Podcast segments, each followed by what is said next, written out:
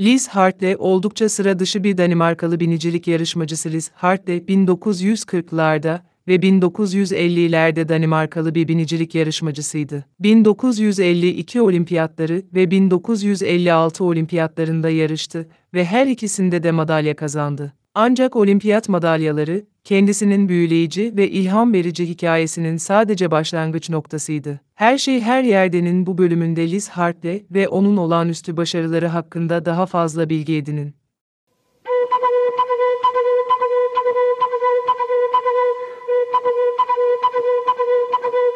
Liz Hartley 1921'de Danimarka'nın Hellerup kentinde doğdu. Çok genç yaşta atlara ilgi duymaya başladı ve binicilik yarışmalarına katıldı. Tercih ettiği etkinlik at terbiyesiydi ama bazı atlama dallarında da yarıştı. Binicilik etkinliklerine aşina olmayanlar için at terbiyesi, at eğitimi konusunda en önde gelen etkinliktir. En yakın benzeri artistik patinaj ya da vimnastikteki zemin rutini olabilir. Burada sanatsal ve atletik unsurları açık bir alanda genellikle müzik eşliğinde ve bir atla birleştirirsiniz. O dönemde birçok insan gibi, 20 yaşında genç yaşta evlendi ve 20'li yaşlarının başında da birkaç çocuğu oldu. At eğitimine devam etti ve 1947'de İskandinav Binicilik Şampiyonası'nda ikinci olarak Londra'daki 1948 Olimpiyat oyunlarına katılmaya hak kazandı. Küçük bir sorun vardı. Kadınlar olimpiyatlarda at terbiyesi dalında yarışamıyordu. Aslında o dönemde erkek subaylar dışında kimsenin yarışmasına izin verilmiyordu. Bu çağdışı kurala sahip olan sadece binicilik etkinlikleri değildi. Modern pentatlon ve biatlon da bir dönem askerlerle sınırlıydı. Olimpiyatlar için yeterince iyi olmasına rağmen 1948'de elendi. Savaş sonrası dönemde bu kural kısa sürede ortadan kalktı ve sadece sivillerin değil, kadınların da at terbiyesinde yarışmasına izin verildi. Olimpiyatlarda kadın ve erkeklerin doğrudan birbirleriyle yarıştığı tek etkinlik hala bu yarışlardır. Liz, Helsinki'de düzenlenen 1952 olimpiyatlarında, hem sivillerin hem de kadınların yarışmasına izin veren ilk olimpiyat at terbiyesi yarışmasına tekrar katılmaya hak kazandı ve yarışa katıldı. 1952'de at terbiyesi kadınlara açık olan tek binicilik etkinliğiydi. Diğer iki binicilik etkinliği olan engel atlama ve eventing hale yasaktı. Helsinki'deki 134 binicilik yarışmacısından tam 4 tanesi kadındı. Liz, 1952'de at terbiyesinde gümüş madalya kazanmaya devam etti ve altın madalyayı 541 puan üzerinden sadece 20 puanla kaçırdı. Sadece herhangi bir binicilik etkinliğinde olimpiyat madalyası kazanan ilk kadın olmakla kalmadı. Aynı zamanda erkeklerle kafa kafaya rekabette olimpiyat madalyası kazanan ilk kadın oldu. Liz muhteşem kariyerine birkaç yıl daha devam etti. Danimarka'da 7 kez at terbiyesi şampiyonu oldu.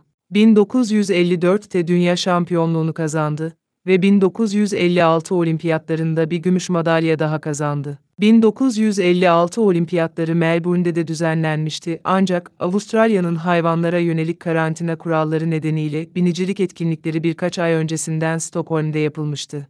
Hikayeyi burada bitirecek olsaydım oldukça iyi bir hikaye olurdu.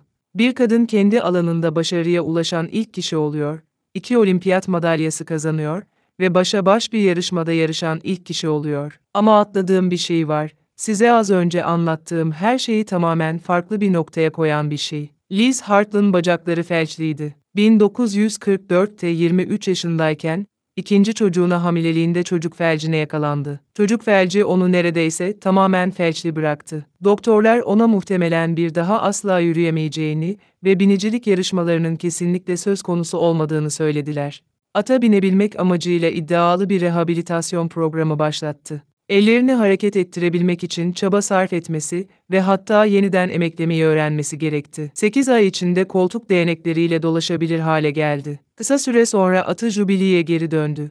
Ama birkaç kez kötü bir şekilde düştü ve ata kendisi binip inemedi. 1947 İskandinav Şampiyonası'nda elde ettiği ikincilik, hastalığından sadece 3 yıl sonraydı. Dizlerinin altı kalıcı olarak felçli kaldı ayaklarını hareket ettiremiyor ya da hiçbir şey hissedemiyordu ve ellerindeki hissin çoğunu da kaybetmişti. Bir binici için eller ve bacaklar son derece önemlidir. Atı hissetmenin ve kontrol etmenin ana yolu budur. Ata binmeyi yeniden öğrenmekle kalmadı.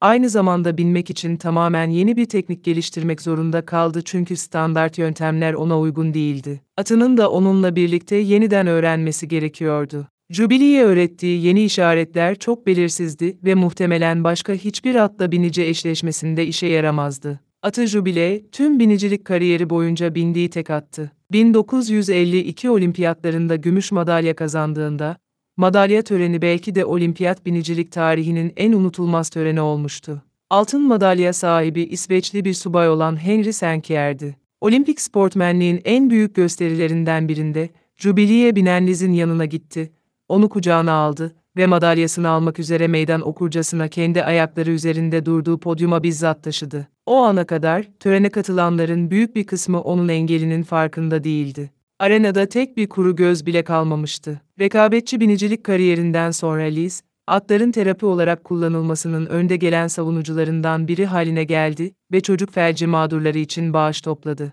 Avrupa'nın ilk terapötik binicilik merkezini açtı. Liz, 2009 yılında 87 yaşında vefat etti. Liz Hartley Vakfı bugün hala varlığını sürdürüyor ve serebral palsi, multiple skleroz, travmatik beyin hasarı, felç ve otizm gibi rahatsızlıkları olan kişiler için atların terapi olarak kullanılmasını teşvik ediyor. Spotify veya Apple Podcast üzerinden bir yorum bırakarak veya abone olarak programı destekleyen herkese sonsuz teşekkürler. Bırakacağınız basit bir yorum bile programın diğer podcastler arasında keşfedilmesine yardımcı olabilir. Lütfen abone olun ve merakınızı yitirmeyin.